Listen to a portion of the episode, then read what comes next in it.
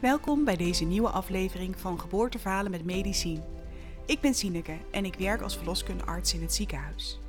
Mijn missie is een positieve bevalervaring voor elke vrouw. En ik hoop dat te bereiken door vrouwen de beste voorbereiding te bieden door middel van een geboortecursus en een grandioos geboorteplan, maar ook door eerlijke en echte geboorteverhalen met jullie te delen. Vandaag is dat het verhaal van Teerza en we zoomen eerst in op de tijd dat zij probeerde om zwanger te worden. Uiteindelijk lukt dat na een traject zowel in het alternatieve als in het medische circuit en wordt ze zwanger van een prachtige zoon.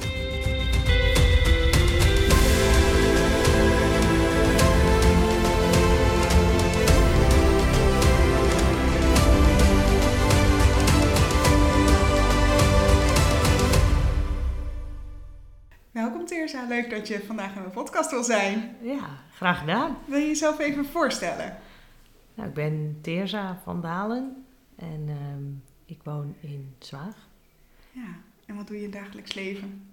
Ik ben interim manager vaak bij softwarebedrijven. Dus ik eh, begeleid teams, zorg ik ervoor dat ze effectiever gaan werken en uiteindelijk de mensen zelf weer met plezier naar hun werk gaan. En ik begeleid familieopstellingen. Wel twee hele verschillende dingen. Ja, Ja, maar voor mij de achterliggende waarde is hetzelfde. En dat is eigenlijk het, eh, ja, soort van het geluk van mensen. Dus, Mhm. of, ja, dus met plezier naar je werk. En ik, met familieopstellingen zorg je ervoor dat trauma's geheeld worden. En dat zorgt uiteindelijk ook voor een groter levensgeluk. ja. Dus dat is eigenlijk je ideale doel, meer levensgeluk. Ja, Ja, mooi. ja. Ja. En eh, wij hebben elkaar eh, nou ja, via Instagram ontmoet. En een van de redenen waardoor we erbij kwamen om deze podcast op te gaan nemen, is toch eigenlijk wel de route van de familieopstellingen geweest. ja cool. Kijk, eh, in deze podcast verzamel ik geboorteverhalen. Dus mensen zullen wel vermoeden dat ook dat is wat we gaan horen. Maar misschien is het wel mooi om helemaal te beginnen bij jouw zwangerschapswens. Ja, ehm, nou vier jaar geleden eh, besloten mijn vriend en ik dat we dachten dat we wel een kindje willen krijgen. Nou ja, dan ga je gewoon proberen en dan denk je dat het op een gegeven moment wel lukt. Waren jullie direct fanatiek van timen wanneer je een ijsprong had? En dan, of dacht je in het begin, we kijken wel? We kijken wel. Ja. Ja. Hoe, hoe voelde dat? Was dat relaxed? Was dat ontspannen? In het begin was het wel relaxed en ik denk dat je dan nog helemaal de illusie hebt dat je het kan plannen. Dus dan is op een gegeven moment had ik volgens mij, eh, zou, wist ik dat ik ergens een nieuwe baan ging beginnen. En dan dacht je nog, oh ja, maar nu is het eigenlijk niet handig als ik nu zwanger word, want Oh ja, dan komt ja. dat precies zo uit of zo. Dus dat vooral, dan was je bijna nog meer bezig met wanneer wil ik niet zwanger worden of zo, in plaats van wel. Maar ehm, eh, ja, uiteindelijk, ik weet, zo, ik weet je vraag niet meer. Ja, dus hoe, hoe het voelde. Van, want je begint er ontspannen aan. Kijk, Ja. je ik, ik weet natuurlijk dat het uiteindelijk best een weg geweest is. Dus Mhm. van wanneer kwam er een moment van verandering? Dat de ontspanning misschien minder werd? Ik heb wel altijd geloofd dat het zou lukken. Ja. Die overtuiging had ik heel erg. Mhm. Ehm, ja, of dat gevoel dacht ik altijd, het komt altijd wel goed. Dus in dat opzicht heb ik niet eh, heel veel spanning daarvan ervaren. Of ik dacht gewoon uiteindelijk altijd, ja, het komt vast wel. Mhm. Ik ben op een gegeven moment wel dat ik dacht, nou, misschien moet ik zelf wat meer dingen gaan doen om het te laten lukken. En ik ben wel echt opgegroeid met alternatieve geneeswijzen. Mhm. Dus ik ben op een gegeven moment bijvoorbeeld naar een, eh, naar een acupunctuur gegaan. Die hebben dan een, eh, met acupunctuur kijken ze naar ja, bepaalde punten en hoogte. En dan moest je wel ook je temperatuur bijhouden. En dan ehm, zeiden ze bijvoorbeeld dan zo op een bepaalde tijd in je ovulatie, ik weet niet eens meer precies wanneer, moet er dan Mhm. twee graden omhoog, geloof ik. Ja, of iets minder, maar dan zie je vaak een stijging in je temperatuur. Ja, en mijn temperatuur was heel erg wisselend. En dat, toen zag je dus wel, toen ik die acupunctuur ging doen, kon- konden ze dat meer, werd dat meer stabiel. Ja, dus kon je het makkelijker tracken. Er zat er meer Ja. stabiliteit in. Ja, Ja. ehm, maar ja, ook dat hielp. eh, nou ja, of tenminste, ik denk altijd dat alles uiteindelijk wel wat geholpen heeft. Maar Maar- toen werd je nog niet zwanger. Nee, Nee, zo werd ik nog nee. niet zwanger. Nee. En hoe ging het vervolg verder? Ehm, nou ja, op een gegeven moment hadden we ook wel vrienden die bijvoorbeeld naar het ziekenhuis gingen. Maar ik ben, was niet zo'n fan van hormonen, dus ik wilde niet naar het ziekenhuis. En ik dacht altijd, ja, maar het komt toch wel goed. Mhm. Dus ik wil niet naar het ziekenhuis. Hoe lang waren jullie toen bezig, toen zoiets als dit speelde? Ik denk twee jaar. Ja, dat is al wel echt wel een redelijke tijd. Ja, ja. Maar ik wilde er eigenlijk gewoon echt niet aan. Nee. En eh, ja, het, ook andere dingen gedaan met supplementen. En, ehm, en op een gegeven moment kwam, was er een vriendin, dus die ging een familieopstelling doen. En mijn moeder heeft ooit, dat ik heel jong was, een familieopstelling gedaan. En toen dacht ik altijd al, oh, dat wil ik ook een keer doen. Dus toen zij vertelde dat ze dat ging doen, toen dacht ik, oh, dat wil ik ook. Toen heb ik dat direct geboekt. Ik ben sowieso ook altijd nieuwsgierig. Dus ik wil altijd gewoon dingen doen om te ervaren hoe het is. Niet eens om een specifieke reden. Dus ik ging dat ook niet doen, want ik dacht dat gaat me helpen Mhm. met zwanger worden. Eigenlijk helemaal niet.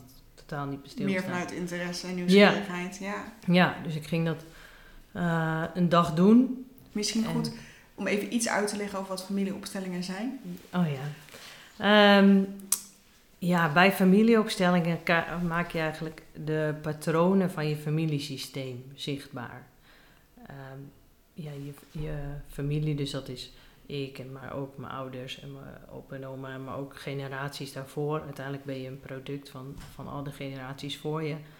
Eh, het kan zo zijn dat daar bijvoorbeeld bepaalde trauma's zijn, dat er bijvoorbeeld oorlogsverleden is, of dat er miskramen zijn geweest, of abortus zijn, dan vooral eigenlijk die traumatisch zijn. Dus dat kan zijn dat mensen het niet, eh, het niet verwerkt hebben, of dat er geen tijd was om te rouwen, of dat het gewoon zo heftig was, dat er iemand is buitengesloten in een familie. Maar het kan ook nog gewoon zo zijn dat je bijvoorbeeld als kind, dat jij, eh, nou ja, vroeger zeiden ze laat een kind maar huilen en dan valt het vanzelf in slaap. Mhm. Dat kan als baby ook traumatisch zijn.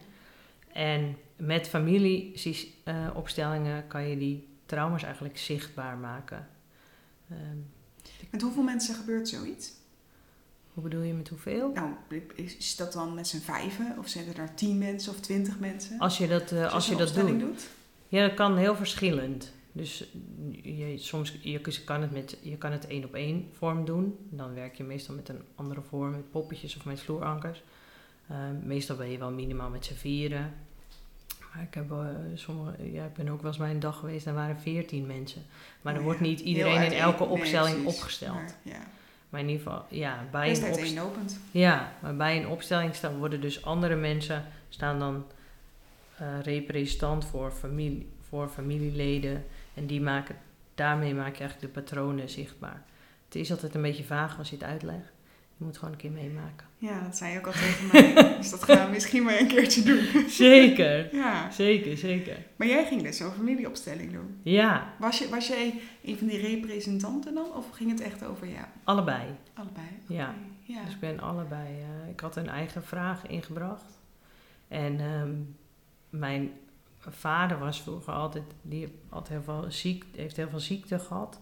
En ik bracht ook een vraag in en ik had verwacht dat dat een thema zou zijn wat met mijn vader te maken had. Dus ik was stom verbaasd dat het uiteindelijk met mijn moeder te maken had. En, ehm, maar ik vond, ja, ik vond het gewoon magisch. En ik dacht, ik wil hier meer van. En degene bij wie ik was, die bood een jaarprogramma aan.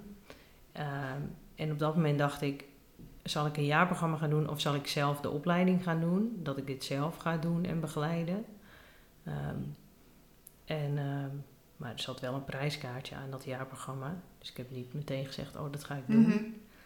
Maar ehm, later, volgens mij, nee, ik denk eerst een maand later dacht ik, nee, ik ga dat niet doen. En weer een maand later had ik ineens heel sterk het gevoel dat het me dus wel zou gaan helpen met die kinderwens. En sowieso dacht ik, ik wil heel graag kinderen. En ook, ik kan, als ik trauma's niet oplos, doorgeven aan mijn kind. Dus hoe mooi is het als ik dit kan doen? Mhm. Dus niet eens, ik denk niet dat ik in eerste instantie per se dacht, dit gaat me helpen een kind te krijgen. Maar meer, Dit gaat Als om ik- een kind op te voeden. misschien. ja, ja, ja, ik dacht hoe mooi als ik dit nu kan doen en ik bespaar hem of haar alvast heel veel therapiesessies en zo. Toch kostenefficiënt nog dan. ja, ja. Dus ik, ja, ik vond het. echt- Ja. Toen dacht ik, ja, ik ga het gewoon doen. Ja. En toen ben je dat jaartraject dus gaan doen? Of die opleiding? Nee, het, ja, ja, het jaartraject. En Ja. uiteindelijk eh, een paar maanden later heb ik me ingeschreven ook voor de opleiding. Ah, Dus ik ben het gewoon allebei gaan doen. Ja. Ik dacht, ik wil hier zoveel meer van. ja. Ja, en toen het eerste weekend, was zes weekenden, begonnen we, kwam er iemand die deed een eh, ademwerk, breathwork sessie. En ehm, mijn vader, die is twaalf jaar geleden overleden. En ik deed die breathwork en ik zag op een gegeven moment aan de rechterkant mijn vader staan. Ehm, daar, daar werd ik al emotioneel van. En vervolgens zag ik aan de linkerkant mijn zoontje staan. En later zag ik, zag ik ze samen hand in hand. Dus ik werd echt, ik kwam daar echt soort van huilend uit, maar van geluk. En ik dacht, het was direct, ik dacht ja, ik ben op de juiste plek. Hm. Dit eh, gaat, mij, gaat mij hierin helpen. Ja, wat bijzonder zeg. Ja, Dus je zag echt gewoon je zoontje al samen met je vader. ja, Nog voordat je zwanger was. Of Ja. wist dat je een zoontje zou gaan krijgen. Ja. Ja. Ja. ja, dat is heel bijzonder. Nou. En hoe is het zwanger worden daarna gegaan? Nou, vervolgens, ehm, die weekenden hadden een thema. En het eh, eerste weekend was volgens mij de vrouwenlijn. Dus dan ging je heel erg kijken naar de moeder en de oma. En daar kwam uit dat mijn oma eh, meerdere miskramen had gehad. En nou ja, voor helemaal vroeger, dus mijn... eh, nou, dat, dat is... Maar was dat, ik bedoel, ik probeer het te snappen, hè, maar ja. is dat dan een soort van feitelijke informatie? Of is dat meer wat er in zo'n weekend voor jouw gevoel duidelijk wordt? Nou, dat, dat werd zichtbaar in de opstelling. En ik heb Ja. dat later daarna mijn moeder gevraagd. En dat Oh, ja. klopte. Oh, dat is In ieder geval uit de opstelling bleek gewoon dat er, ja, een soort van dat er, dan zie je niet per se wat het is, maar dat er doden waren. ehm, en waar mijn oma een soort van trauma over had. En helemaal, ja, vroeger mijn moeder, die is eh 66, dus nou ja, zo lang is dat geleden Ja. kregen mensen natuurlijk heel veel kinderen. En dus het, dus het was gewoon, nou ja, dit is niet gelukt, hup. Maar er komt wel weer een volgende. Ja. Weet je, dus er Dus was mag- helemaal geen tijd en plek staan. om te rouwen. Ja. En überhaupt, mijn oma die heeft ook meerdere postnatale depressies gehad. Dus eigenlijk waren, ja, een soort van rond bevallingen was voor haar best wel traumatisch. En het werd uiteindelijk zichtbaar dat er een soort trauma was dus op het bekkengebied. Mhm. Echt rondom zwanger worden, zwanger zijn, miskramen, Ja. vallen. Ja, Voor jou allemaal ook weer kernonderwerpen dan. Ja. ja. Ja. En het, ehm, het weekend daarna was de vaderlijn. En toen hebben we twee opstellingen gedaan. Eén was een soort van meditatie en die mocht je daarna opstellen. En ehm, toen waren we met een groepje van zeven. En ik had dus eerst soort van... Ik had... Iemand was... ehm, ik moest een soort van mijn naaste opstellen. Dus dat was mijn vader, mijn moeder, ehm, mijn vriend, mijn broer en mijn zus. Dus dan, en ik, dus dan waren we al met zes. En er was er nog één over. En degene die het begeleidde, die zei... Ik heb het gevoel dat die zevende er ook bij hoort. En ik wist heel sterk, ik zei... Als zij erbij hoort, weet ik wie het is. Zeg, en dan is het mijn ongeboren kind. En ehm, ik, het, het raakt me nu als ik het zeg. Mhm. Het, het klopt gewoon, ik wist het. En die vrouw die zei ook, ja, dat gevoel heb ik ook. Of die zei, of heb je ooit een miskraam gehad? Ik zei, nee, ik weet zeker dat ik geen miskraam heb gehad. Nee. En ehm, eh, toen stond vervolgens stond mijn vader hier naast me. En daarachter stond mijn ongeboren kind. En ehm, daarna, zeg maar, toen was dat zo en dacht ik er niet verder bij na. Maar de dag erna had ik nog een opstelling en daaruit kwam dat er een heel groot trauma zat bij mijn vader in zijn jeugd. Ehm, en mijn vader die was ook altijd ziek en die kon heel moeilijk zijn emoties uiten. En ik heb altijd geweten dat daar als kind, ja, hoe ik dat wist, ik, wist ik gewoon dat er iets was waardoor hij zijn emoties niet kon Mhm. uiten. En uit die opstelling bleek ook zo van dat zijn hele gevoelsdeel was afgesplitst. En in die opstelling vond heling plaats. En ehm, daarna besefte ik dat, dat, dat mijn kind achter mijn vader stond, was omdat mijn vader hem eigenlijk gewoon tegenhield. Mijn zus, of mijn broer en zus hebben alleen maar meiden. en voor mij voelde het dat dit trauma moest eerst geheeld worden. Want anders eh, werd het doorgegeven in de mannenlijn. Omdat ik zeker wist dat ik een jongetje kreeg. Hmm. Dus nu, dus het voelde heel erg daarna alsof dat, dat- als dat trauma was geheeld, dan kon die komen. En ehm, eh, volgens mij ben ja, na dat weekend, tussen, volgens mij tussen het tweede en het derde weekend, eh, ben ik uiteindelijk zwanger geraakt. Moet ik er wel bij zeggen, ik ben uiteindelijk wel een ziekenhuistraject ingegaan. Ehm, wel een heel goed overleg met mijn vriend hebben we gezegd, ik wil elke eh, na elke afspraak bepalen of we door wilden gaan. Mhm. En het was dat er op een gegeven moment één arts zei: je kan zeg maar hormonen spuiten en dan eh, maar terugplaatsen in je natuurlijke cyclus. Dus toen dacht ik: oké, dan hoef ik dus maar één keer twee weken hormonen te spuiten. Dat heb ik er wel voor over. Voor een IVF-traject praten we Ja. over, hè? Ja. Ja. Ik zie allebei. ja. Ehm, dus ik Dus misschien de- ja. ja. voor mensen die luisteren en dit verschil niet kennen. Bij IVF ehm, vindt de bevruchting net op een iets andere manier plaats dan bij ICSI. Bij ICSI hou je dus inderdaad eerst na stimulatie met injecties bij moeder de eicellen weg. En dan in een, eigenlijk in een schaaltje wordt er echt een zaadcel in de eicel gestopt bij Ja. ICSI. En dat wordt dan, eh, gaat een klein beetje groeien totdat het uit een heel aantal cellen bestaat. En dan als heel klein embryootje teruggeplaatst. In een natuurlijke cyclus. Dat kan natuurlijk ook in een gestimuleerde cyclus. Ja. Maar in jouw geval is in een natuurlijke cyclus. ja, en het was dus bij het ziekenhuis zeiden ze dus dat het eigenlijk het probleem bij mijn vriend lag. Mhm. En ik voelde altijd zo dat ik dacht, ik geloof gerust dat dat zo is en dat zij dat vinden, maar er zit ook iets bij mij. Dat voelde ik wel heel sterk. Ja. Dus ik dacht, er zit, er zit ergens een belemmering bij mij. En ik heb toen, we hebben toen dus dat gestimuleerd en toen hadden we eh, meerdere embryo's. En de eerste terugplaatsing kreeg ik direct. En, maar ik voelde me toen helemaal niet goed. En, en achteraf gezien dacht ik, ja, dit zal er nooit terug moeten plaatsen, want mijn lijf ging zich echt niet voortplanten. Want ik reageerde wel heel heftig op die hormonen. En ik had Mhm. last van ik had niet eens heel veel eicellen, maar ik had wel echt zo'n opgeblazen buik. Ik had alle ke- kenmerken van overstimulatie. Ja. En ehm, ja, dus toen hebben we daarna ook wel weer wat rust genomen. En heel erg bewust weer gekozen wanneer we wel weer eh, terug gingen plaatsen. En ook daarin wel echt heel erg naar mijn gevoel geluisterd. Want zij, ehm, ja, in het ziekenhuis probeerden ze me eigenlijk, ondanks dat ze hadden gezegd, je kan je natuurlijke cyclus terugplaatsen, ehm, wilden ze me heel graag toch aan de hormonen hebben. Omdat ze ik zat niet bij een academisch ziekenhuis, dus ik moest ehm, bij, wel bij een academisch ziekenhuis terugplaatsen. Maar dan moeten ze je dus in, inplannen.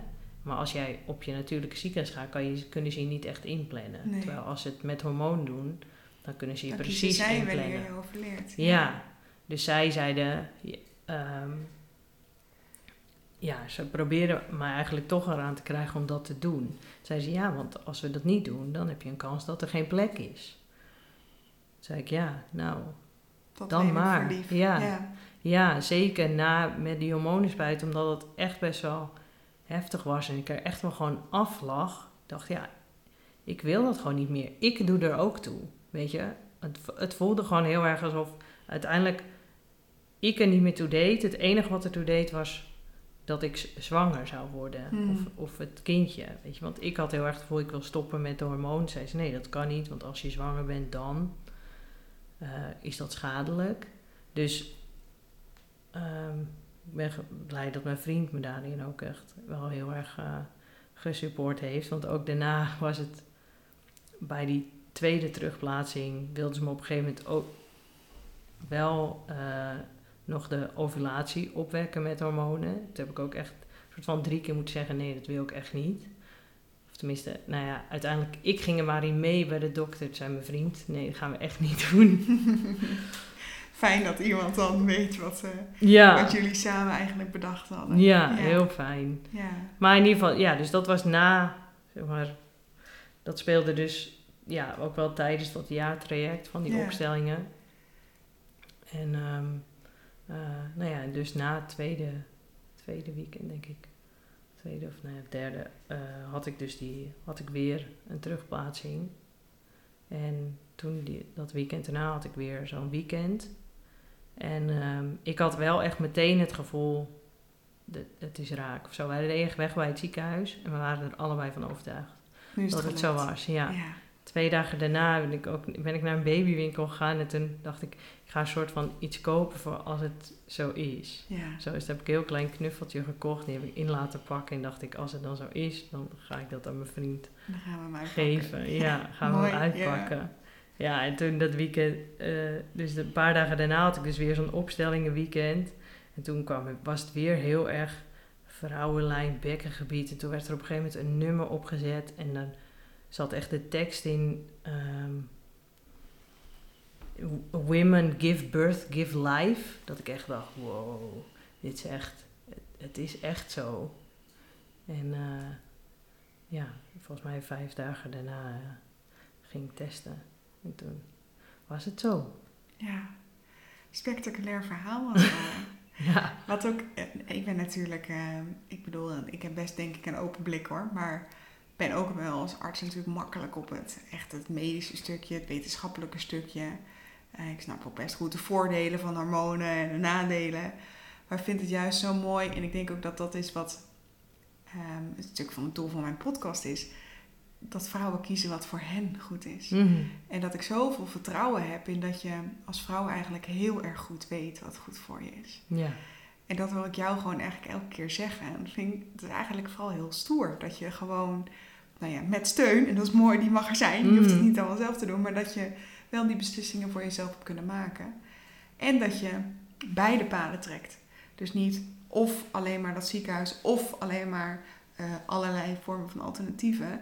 Maar dat je gekeken hebt naar wat is onder mijn voorwaarden, waar, waar vind ik mijn weg in. ja.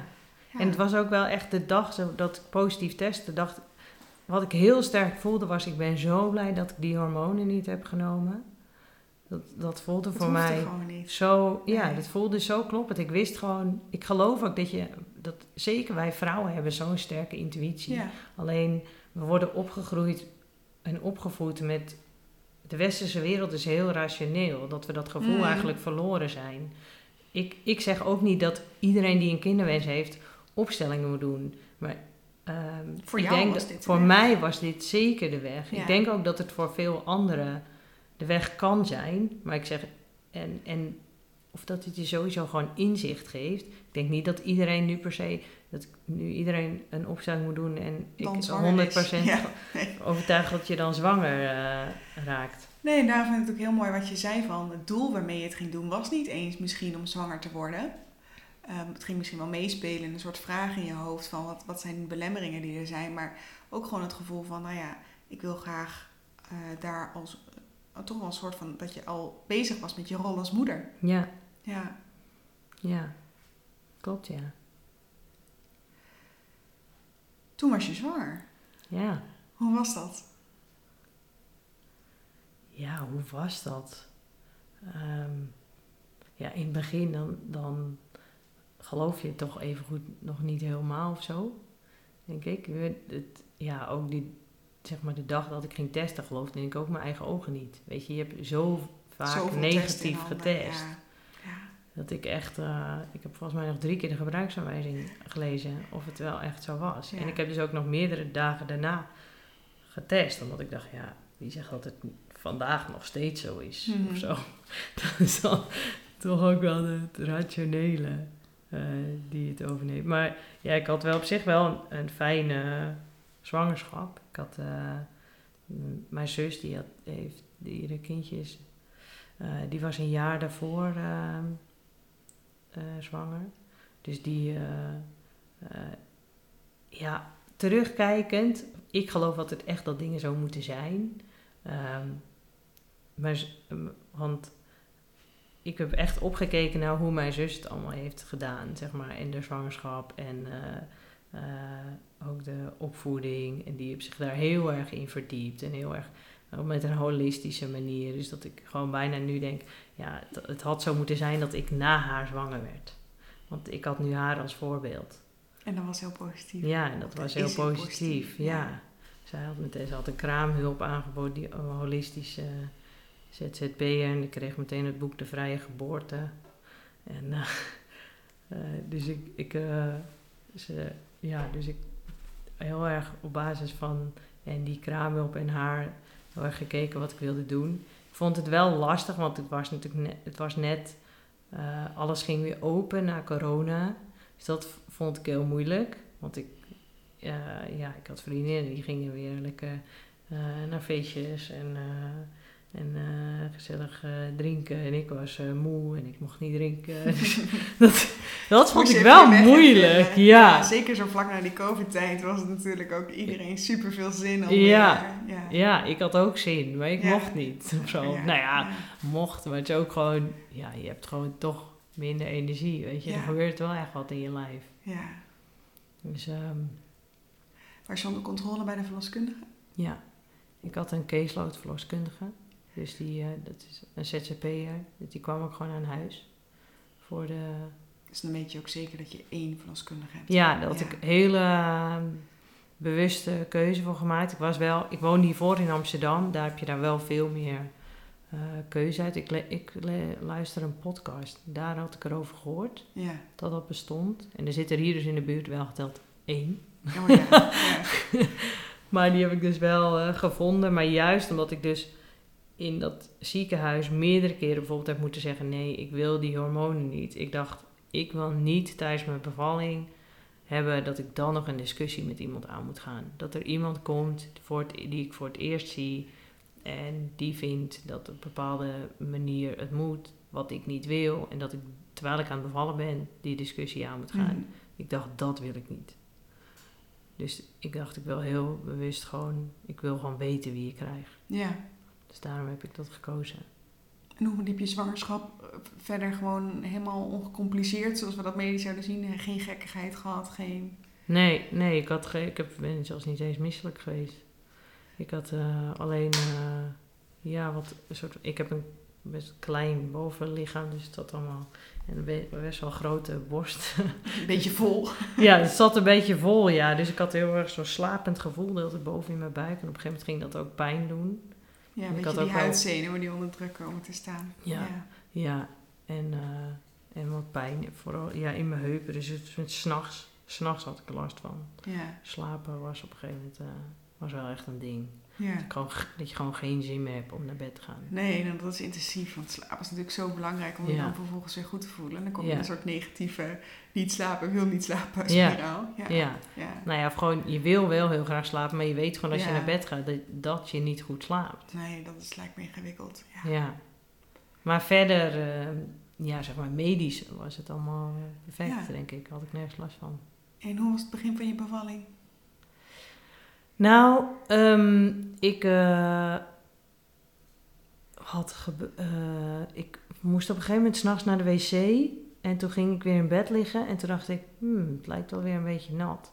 Maar het was half drie s'nachts en ik was echt moe en ik dacht, nou weet je, ik negeer het gewoon. Ik ga gewoon slapen, want ik ben moe. Ik ga gewoon niet kijken wat dat is. Dus toen ben ik gewoon weer verder gaan slapen. En toen werd ik twee uur later wakker. Toen dacht ik, nou, nu ga ik toch maar eens. Dan ben ik toch wel nieuwsgierig. Dus, ehm, en ik dacht, als ik ga kijken, dan wordt mijn vriend wakker. En die denkt dan ook, er is wat. En dan kan Slaap ik niet meer slapen. meer. Nee. Ja. Dus toen ging ik toch kijken. En toen eigenlijk wel mee. Maar toen ging ik naar de badkamer. En toen was het dus wel ineens allemaal zeiknat. Dus toen had ik gebroken vliezen. ja, als je dan rechtop gaat staan en er zit Ja. ergens een gaatje, dan gaat het toch lopen. Ja, Ja. maar ehm, ja, voor de rest gebeurde er niks. Dus ik dacht toen wel, oeh, het begint. Maar, eh, en toen dacht ik, nou, als dit het is, dan stelt het allemaal niks voor. Want ik voelde helemaal niet zoveel. Maar uiteindelijk gebeurde er dus niks. En ehm, toen had ik s'morgens de verloskundige gebeld. En die Ja. zei, nou ja, ga maar gewoon, eh, gewoon je ding doen. En ga vooral wandelen, dat schijnt nog wel eens te helpen. En eh, s s'avonds kwam ze dan langs. En ik wilde heel graag thuis bevallen met een bevalbad. En toen zei ze van, ehm, ja, maar als je 24 uur gebroken vlies hebt, moet je naar het ziekenhuis. Dus dat vond ik echt heel moeilijk om te horen, want ik wilde echt niet naar het ziekenhuis. En ik wilde het gewoon heel graag thuis. Mhm. Ik had een hypnobirthing cursus gedaan. Dus, ehm, en uh, nou, uiteindelijk mijn moeder gebeld. Die geeft reiki. Dus die ging reiki sturen om te zorgen dat die bevalling op gang kwam. En ehm, uiteindelijk één uur s'nachts uh, begonnen. Dus dat was nog binnen de 24 uur. Dus ik dacht, yes, dan mag ik thuis, thuis bevallen. Ehm, en ehm, ja, nou ja, op zich ging het in het begin ging het goed. En ik ging uh, die meditaties uh, luisteren. En ik, ik woonde toen in een heel klein huisje. Mijn vriend die ging beneden het bad klaarzetten. En nou ja, ik dacht, dit komt helemaal... Je ging ervoor? Ja, komt helemaal goed. Maar ja. nou ja, uiteindelijk dacht ik op een gegeven moment, ja, ik moet toch iets eten. Toen had ik één hap banaan genomen en dan werd ik nou kotsmisselijk. Was echt niet leuk. En toen ging ik in dat bad en ik wist gewoon niet meer hoe ik zitten moest van de misselijkheid. En, uh, en toen de verloskundige gebeld en die nam niet op. Oh, dat lijkt me wel even schrik. ja, ja, die had dus uh, ja, achteraf gezien had ze natuurlijk verwacht dat ik ging bevallen. Dus ze had een soort van wakker, uh, ze had wakker gelegen en uiteindelijk toch in slaap gevallen. Ik denk, ja, ergens toch in een hele diepe slaap dat ze de telefoon niet had gehoord. Was er nog nooit gebeurd. Maar, um, nou ja, dat zorgt natuurlijk best wel voor... Dat Even niet... stress. Ja, ja, ja. Uiteindelijk, uh, uh, veel later hebben we er wel te pakken gekregen. En is er wel eens nog gekomen. Uh, maar dat was natuurlijk niet heel bevorderlijk voor mijn bevalling. Maar ik had alleen maar rugweeën. Het was wel, dus ik had ik had echt wel veel pijn. En op de een of andere manier had ik denk ik toch ergens in mijn hoofd, nou als zij komt, dan... Uh, dan komt het goed. Ja. ja. Maar ondertussen zat er ook weer meer tijd tussen, tussen mijn weeën. En kwam ik er gewoon niet meer goed in. En zat nog zo'n... Toen had zij zo'n dingetje mee van die elektroden op je. Tensapparaat. Ja. Nou, dat hielp niks. dat hielp echt niks. Sommige mensen hebben dat aan. Sommige mensen zeggen echt, haal het maar weer af. Ja. ja. ja. Ja, en op een gegeven moment kwam er een stemmetje in mijn hoofd of zo die dacht, uh, ik kan dit niet. En we hadden afgesproken dat ze geen ontsluiting zou meten, maar ik zei, ja, ik wil toch dat je ontsluiting gaat meten. Want toen dacht ik, als we er nou bijna zijn, dan moet ik gewoon een soort van doorzetten. Mm -hmm. Dus toen ging ze kijken en toen was het 5 centimeter. Ja, super netjes, maar als je dan, dan zo in je... Ja. In, in een soort van strijd met jezelf verwikkeld bent, dan is het wel, uh, dan is 5 nog niet genoeg, denk ik. Nee, het was ondertussen negen uur s morgens of zo. Ja. Dus, uh, dus toen ging ik onder de douche en ik dacht echt, ja, als je eenmaal dat stemmetje in je hoofd hebt, denk ik, die denkt, ik kan het niet, of dan gaat het niet meer weg. uitkomen. Ja. ja. Dus toen uiteindelijk dacht ik, ik wil toch naar het ziekenhuis. Ik wil echt iets voor de pijn. Maar ook dat, ik wist dat dus helemaal niet. Gewoon van, ik zei op een gegeven moment tegen haar, heb je iets voor de pijn? Ze zei nee, dan moet je naar het ziekenhuis. Toen dacht ik, oh, dat wist ik eigenlijk helemaal niet. Nou, mijn zwangerschapscursus moeten doen. Nee, ik, ik, blijf altijd vinden, kijk, hypnobirthing cursus is echt denk ik fantastisch. Want het kan je heel erg goed helpen met ademen, met dat stuk. Maar ik vind het dus altijd heel zonde als mensen gaan bevallen en dit soort dingen niet weten. Want weet je hoeveel vrouwen bij een eerste kind voor pijnstilling kiezen? Heb je een idee, percentueel? Nee, geen idee. Volgens mij krijgt 45% een ruggenprik. En dan heb ik nog niet eens over andere vormen van pijnstilling. Dat is echt gigantisch. Ja. Dus als bijna al die vrouwen niet weten, dan denk ik altijd, oh wat een gemiste kans. Ja. Want dan kan je bedenken wat je wil. Ja. Maar je koos dus wel voor het ziekenhuis. Ja, we zijn toen wel naar het ziekenhuis gegaan, ja. ja. Want ik dacht echt, ik ga dit niet, uh, ik kan dit niet, nee. zo. En, uh, en ik kwam bij het ziekenhuis en zij dachten dat ik daar kwam omdat ik lang, langdurig oh, ja. gebroken vliezen had. Dus die verloskundige was wel heel fijn. Die zei, oh, ik heb je bevalplan gelezen. Ik zie dat je hypnobirthing hebt gedaan. Dan kan je gewoon verder mee. En, ja. uh, en uh, toen zei ik, ja, maar ik wil wat, ik zei, ik wil wat voor de pijn. dus die dacht, oh, dat is een beetje andere. Ja. Toen zei ze, dat staat niet in je plan. Ik zei, nou, maar dat wil ik wel. Want het was ook gewoon, bij mij ging de pijn tussen de weeën ook niet meer weg. Dus ik kwam ook gewoon niet ik kwam ook niet meer bij. Nee, je lijf was gewoon een op slot. Ja. ja. en het zat allemaal in mijn rug. En dat was precies de pijn die ik dus ook altijd s'nachts had. En uh, ja, ik, ik was gewoon niet te doen voor mij. Dus, uh, dus toen zei ze wel, ja, maar dan mag je dus niet meer van het bed af. Ja, dat, is, dat vond ik ook wel een tegenvallen. Eigenlijk wist ik dus ook bijna niks van pijnstilling. Nee. Um, uiteindelijk zeiden ze uh, ja, we moeten eerst kijken of we ontsluiting hebben. Want als je heel te ver bent, dan mag je geen pijnstilling meer. Toen dacht ik echt, oh nee, dan ben ik helemaal voor niks naar het ziekenhuis gegaan. En, um, eh, en toen zei ze, nou, je hebt twee keuzes. Dus je kon of een pompje, Ja. eh, hoe heet dat Fentanyl. Ja, of een ruggenprik. Ja. En ehm, toen zei ze wel, ja, met, met, eh, met een pompje dan gaat niet, wordt, zijn je weeën net zo heftig. Maar ze zei, dan is het in ieder geval ertussendoor, eh gaat het wel weg. Dus dan kom je, kun je, er- kom je er tussendoor eh, bij. Toen Ja. zei ik, mag je wel ehm, dan, als het de ene nou toch niet werkt, kan ik dan alsnog een ruggenprik? Toen ze, ze zeiden dat het kon, maar het lag er dan wel ook weer aan hoeveel Hoe ontsluiting ik had. Ja. Ondertussen had ik 7 centimeter. Dus je vordert eigenlijk heel mooi. Ja, Ja. Ja, ondanks dat ik dus gewoon gestopt was en in de auto Ja. naar het ziekenhuis en zo, ging dat gewoon. Ja, nee, maar dat is fijn. Ja, dus uiteindelijk koos ik voor zo'n pompje. Ja, En, zou ik eh, ook, vind ik een 7 centimeter mooie beslissing. Ja, en ik, ik Ja. was wel ehm, iemand die je kende, die was een paar weken daarvoor bevallen en die had eh ruggenprik, oxytocine, knip, alles, vacuümpomp. Ja. Dus dat had ik ook wel echt in mijn achterhoofd. Ik dacht, ik, want zij zei ook wel van als je een ruggenprik krijgt, dan heb je wel kans dat je weeën stil komen te liggen, dat je Ja. oxytocine moet. Toen dacht ik, dat wil ik niet. dat wil ik echt niet. Nee, dus je koos gewoon heel bewust toch voor het morfinepompje. Ja. Ja, en eh, nou ja, dat, eh, dat ging eigenlijk goed. Dus ik was volgens mij rond een uur of half elf in het ziekenhuis. En eh, denk ik dat ik kwart voor twee, twee uur mocht ik begonnen met, beginnen met persen. En ehm, toen zat ik eerst soort van op het bed, als ze dat Mhm. voeteneind naar beneden gedaan. En ehm, Ja, maar dat met Remy Fentanyl. Ze stoppen dat pompje natuurlijk als je gaat persen. Dus als je dan het eerste kwartiertje mensen een beetje in bed houdt, dan kan dat medicijn rustig uitwerken. En daarna zie je vaak dat mensen gewoon helder genoeg zijn om alles te kunnen doen wat ze Oh ja. Ja. Nou ja, uiteindelijk zei ik, ik zeg, je had het toch nog over een baarkruk. En toen Ja. zei ze, oh sorry, sorry, ben ik helemaal vergeten. En, eh, eh, wil je dat graag? Ik zei ja, wat ik ook doen. Ik Ja. dacht, ik geloof niet dat die baby eruit kan. Want ik dacht, dan moet hij zo, eh Ja. ja. soort van rechtdoor. Maar ik dacht, ja, we moeten gewoon naar beneden. Weet je, ik wil zwaartekracht, ik heb hulp Ja. nodig, dacht ik. Dus, maar toen ging ze wel alsnog halen.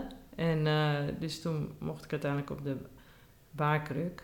En ehm, nou, had ik één wee gehad. En toen zei ze nog twee weeën en dan is hij er. Ik dacht helemaal niks, nog één wee en dan is hij er. En het was wel, ik, toen ik nog op het bed zat, mocht ik helemaal nog een soort van mijn hyp, hypnobirthing ademhaling doen. En, ehm, maar uiteindelijk op de kruk zei ze, ja, we zien dat, die, eh, dat zijn hartslag naar beneden gaat, geloof ik. Dus ze zei, nu moet je wel echt op mijn manier gaan persen. Dus toen, eh, toen bij de tweede, toen dacht ik, nou, nu ga ik vol bak. En toen was hij eruit. Supergoed. Ja. Ja. Dat vond ik wel mooi. Achteraf, ook als ik erop terugkijk, ik heb uiteindelijk mijn hele bevallingsverhaal uitgeschreven. Om eigenlijk ook om de lading eraf te Ja. halen. En toen heb ik ook wel gezien dat soort van... ehm, ja, dat er bepaalde momenten zijn die ik minder fijn vond. Maar dat ik op het eind wel echt dacht, dit wil ik. En ik wil die baarkruk. En toen geloofde ik ook dat het kon. Ja. Toen dacht ik, nu gaat hij recht naar beneden. Nu krijg ik hem eruit. Ja. Dat scheelt dan zoveel mentaal ook, denk Ja. ik. Toen dacht ik, ja, nu hij gaat, komt er gewoon uit. Ja. en het is je gelukt. Je hebt het gewoon gedaan. Ja. Vallen. Ja. Ja. Wat fijn. Ja. En toen mocht je hem ontmoeten. Ja. Die zoon die je al ergens wel een keer had zien staan. Ja, ja dat, was wel, dat was wel grappig. Van tevoren was ik heel soort van wel bang voor dat moment. Ja, bang. Ik dacht, wat als ik dan niet denk, oh my god, eh, helemaal fantastisch. Dat zo. je het niet voelt. Ja, Ja. nou dat gebeurde ook. dat, dat- ja, het was wel fijn, want ik had het er met iemand over gehad. Die zei, ik heb dat ook gehad. En dat komt later echt wel. Dus ik was heel blij dat ik dat gehoord had. Want ik dacht echt, oh god, ik heb hier zo lang mijn best voor gedaan. Maar wat, wat eh, moet ik hiermee, dacht ik. Ik dacht, ik weet dat hij een uur bij me moet liggen, maar kunnen ze hem niet eh, aan eh, mijn vriend geven. Maar, ehm, en uiteindelijk had hij te lage glucosewaardes, dus hij moest blijven. Was hij te klein of te groot? Of? Te klein. Ja. Geval prikken voor ze dan geen 41 gluco- weken. Ja, prik- ja, Ja. dat is altijd in verhouding met de termijn, maar anders prikken ze geen glucose. Ja, Daarom- maar, hij, maar ik dacht wel op dat moment, mijn vriend is Italiaan, ik dacht, in welk opzicht is hij te licht? Volgens de Nederlandse groei. Volgens de Nederlandse groeicurve. En Italianen zijn veel kleiner, Ja. dacht ik. Ja. Dus ik dacht, is hij daadwerkelijk echt te klein? Maar, Maar ja, ja, had wel ook vervolgens met een lage glucose. Dus in die zin is het ook wel weer fijn dat ze dat gevangen hebben. ja. Dus toen ehm, ja, moesten we dus blijven. En toen, of hij ja, moest uiteindelijk al naar de andere afdeling, want er moest een infuus. Mhm. En ehm, toen ging mijn vriend mee. En toen gaven ze mij te eten en onder de douche. En later brachten ze me dan met bed en al eh, naar die andere afdeling.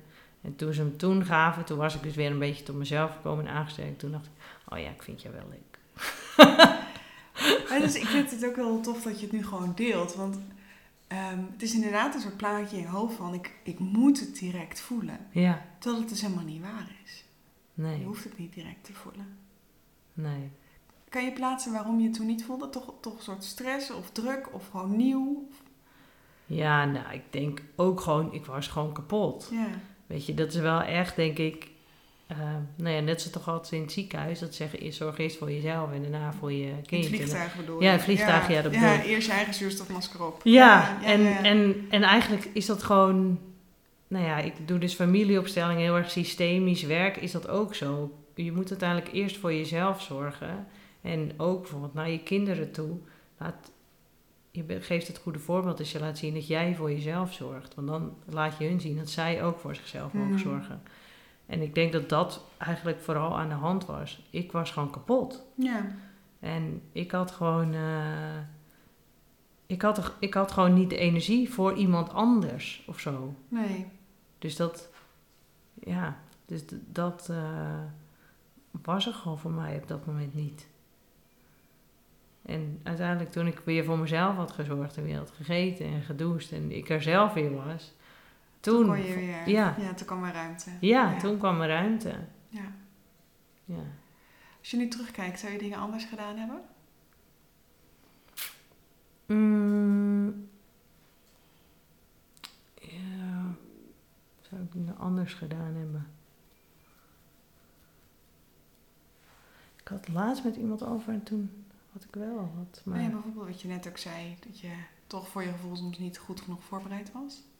Nou, wat ik vooral besefte eigenlijk, waar ik niet goed voorbereid was, was daarna. Mhm. Ik was dus, moest nog twee dagen in het ziekenhuis blijven. Ehm, ik wist bijvoorbeeld echt niks over borstvoeding. Ehm, en hij had dus te laag glucose, dus ze gaven hem meteen een fles. En toen zeiden ze wel, nou leg hem wel aan de borst. Maar ze vertelden aan mij, ja maar jij geeft de eerste paar dagen niet genoeg. Dus hij moet sowieso een fles. Dus, maar in mijn hoofd, dus dan gaven ze me een fles. Of daarvoor zeiden ze, nou leg hem even aan de borst. Überhaupt wist ik niet hoe dat moest. Dus daar hebben ze me dan wel een keer mee geholpen. Maar die mensen daar hadden ook allemaal een beetje haast. En dan, of dan legden ze me aan. Maar voor mijn gevoel dacht ik, ja, maar ik krijg er toch niks uit. Dus na drie minuten dacht ik, nou ja, hij heeft er niet zoveel zin in, klaar of zo. We hebben drie minuten geprobeerd, hem maar die fles. Mhm. Ja. Ehm, maar vervolgens na twee dagen mocht ik naar huis. En had hij twee dagen lang een fles gehad. En toen kwam ik thuis en dan was de kraamhulp. En toen wilden we borstvoeding geven, maar hij deed niks. Hij deed zijn mond open en hij dacht, het komt toch vanzelf. Ja. Dus ehm, ja, dat is wel eh, iets wat ik, als ik terug zou kijken, zou ik dat anders hadden willen doen. Had ik daar meer hulp wil bij gehad en had ik dat misschien van tevoren dingen over willen weten. Uiteindelijk heb ik daar, heeft dat echt heel veel bloed, zweet, tranen, energie, huilen eh, gekost om hem uiteindelijk aan de borstvoeding te krijgen. Want hij deed gewoon dagenlang niks. Mhm. Dus moest je echt hard aan de bak. Ja, Ja. Het is borstvoeding sowieso al, maar dan Ja, sta je ook nog een soort van 2-0 achter voor je begonnen bent. Ja. Ja. hij moest met een slangetje en hij moest maar die associatie krijgen met de borst. En dan was je soms anderhalf uur bezig met de voeding of twee uur. En dan was je klaar en dan mocht je na een uur weer. Ja. Alleen maar om, eh, ja. Om het maar op gang te hebben en hem te laten drinken. Ja, intensief. Ja. Maar het is wel dus ook gelukt. ja, het is uiteindelijk wel gelukt, ja. Ja. Ja, daar ben ik heel blij mee. Nou, fijn. Ja. Ja, ik ben, daar ben ik echt mijn kraamhulp dankbaar voor. Hoor. Want ik geloofde er niet in dat het lukte. Maar zij zei heel erg, ja, het gaat lukken. En ehm, je moet wel voor jezelf bepalen hoe lang je dit wil, hoe, hoe lang je het wil doen, maar ze zegt, ik weet dat het uiteindelijk gaat lukken. Ja. Ja, en ik geloofde dus ook niet dat het kon. Soort van, en toen op een... Ja, toen had ik in de ochtend met haar een gesprek. En toen was hij die dag voor het eerst in bad geweest. En toen smiddags uh, dacht ik, nou, ik leg, leg, hem toch weer even aan. En toen ineens dronk hij. Nou, ik moest huilen, joh. Het was niet dat hij daarna ineens het altijd deed. Maar toen geloofde ik het in ieder geval. Oh, er ging een soort, eh, nou ja, was je het bochtje om. Ja. De goede kant op. Ja. ja. ja. Ik vraag aan het eind van elke podcast: wat is de tip die jij zou geven aan vrouwen die zwanger willen worden? Maar ik dacht, misschien kan ik jou wel vragen: wat is de tip die aan vrouwen zou geven die zwanger proberen te worden? Luister vooral heel erg naar je gevoel. En ja, zorg ook goed voor jezelf in dat traject. Wat ik, wat ik ook wel, ik heb ondertussen ook wel meerdere mensen gesproken, weet je, die zitten er heel erg van Ehm, ja, maar we moeten elke week, elke maand doen, want het is een gemiste kans. En nou ja, mijn ervaring was ook wel, je zit, nou ja, dan heb je uh, seks of, uh, en dan moet je twee weken wachten, zit je twee weken in spanning en dan test je bijvoorbeeld weer negatief. Is dat dat ook heel veel energie kost voor je lijf. Sla gewoon eens een keer een maand over. Weet je, zorg er ook weer even goed voor jezelf. Dat je gewoon bij kan tanken. Weet je, dan is het niet per se een gemiste kans. Juist zorg je misschien dat die maand daarna juist meer kans is. Ja. Want ik geloof wel echt dat jouw. Ehm, als jouw lichaam op een gegeven moment ook in stressstand staat, omdat je het zo graag wil en daar heb je gewoon stress van, dat is echt niet bevorderlijk het beroerdste is eigenlijk altijd dat mensen zeggen, je moet het loslaten. Dan denk je altijd, ja, wat de fuck, hoe laat ik iets los? Denk Want niet ik wil het heel graag. Ja. Weet je, dat, dat is een soort van het, het slechtste. Echt, dat vond ik het meest verschrikkelijk om te horen. Dus, weet je, dat, dat gaat je niet lukken. Nee, Dat- jij hebt het met beide handen vastgepakt. Ja, wel. Ja, maar- het ja, erg is het ja. wel dat ik het misschien op een gegeven moment wel een beetje had losgelaten.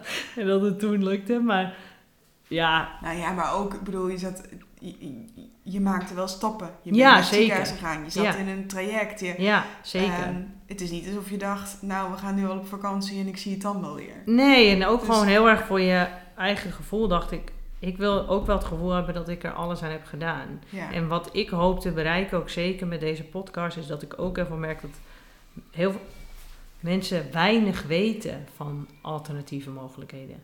Mhm. Weet je? Dat, ik, ik weet er geen bal van. Nee. Ja. En er, er is echt wel veel mogelijk. Ja. Weet je, en ik denk altijd met dat soort dingen ook baat het niet, dan schaadt het niet. ja, en het een sluit het ander niet uit. Je kan Nee. allebei doen. Dus Ja. dat is ook nog weer een mooie. Want soms Ja. lijkt het net een soort van alsof je moet kiezen. Maar dat is ook niet zo. Nee, zeker niet. En ik gelo- Nee. daar geloof ik ook echt in. Dat, hoe mooi zou het zijn als, als die, eigenlijk die werelden elkaar meer weten te vinden. Ja. Ik weet dat bijvoorbeeld in Amerika eh, er wel heel vaak gewoon standaard acupunctuur wordt aangeboden Ja. in een eh, traject. ja, en bijvoorbeeld, ik weet wel dat bijvoorbeeld in Nederland acupunctuur bij kinderen met hoofdpijn al veel onderzoek naar gedaan is. Om maar even een random voorbeeld te noemen. Maar dat zijn, d- er wordt wel naar gekeken wat de mogelijkheden zijn. Maar het is soms best lastig om dingen wetenschappelijk te bewijzen. Omdat je dan best grote groepen nodig hebt. Ja. Ja. Ja. Ja. ja, ik hoop gewoon in de toekomst ook vrouwen, veel vrouwen, nou ja, nu eigenlijk al te mogen begeleiden en kijken of een familieopstelling voor ze werkt. En eh, ik hoop gewoon dat het mensen net zo kan helpen als dat het mij heeft geholpen. Ja, mooi. Sluiten we daarmee af. Dankjewel. Jij bedankt. Dit was het verhaal van Teersa. Klik op volg in je podcast-app en dan staat er over twee weken weer een nieuwe aflevering voor je klaar. Je kan me ook volgen op Instagram, @medicien. En ik heb dus een grandioos geboorteplan voor je in petto. Ga naar www.medicien.nl slash grandioos geboorteplan. Tot snel!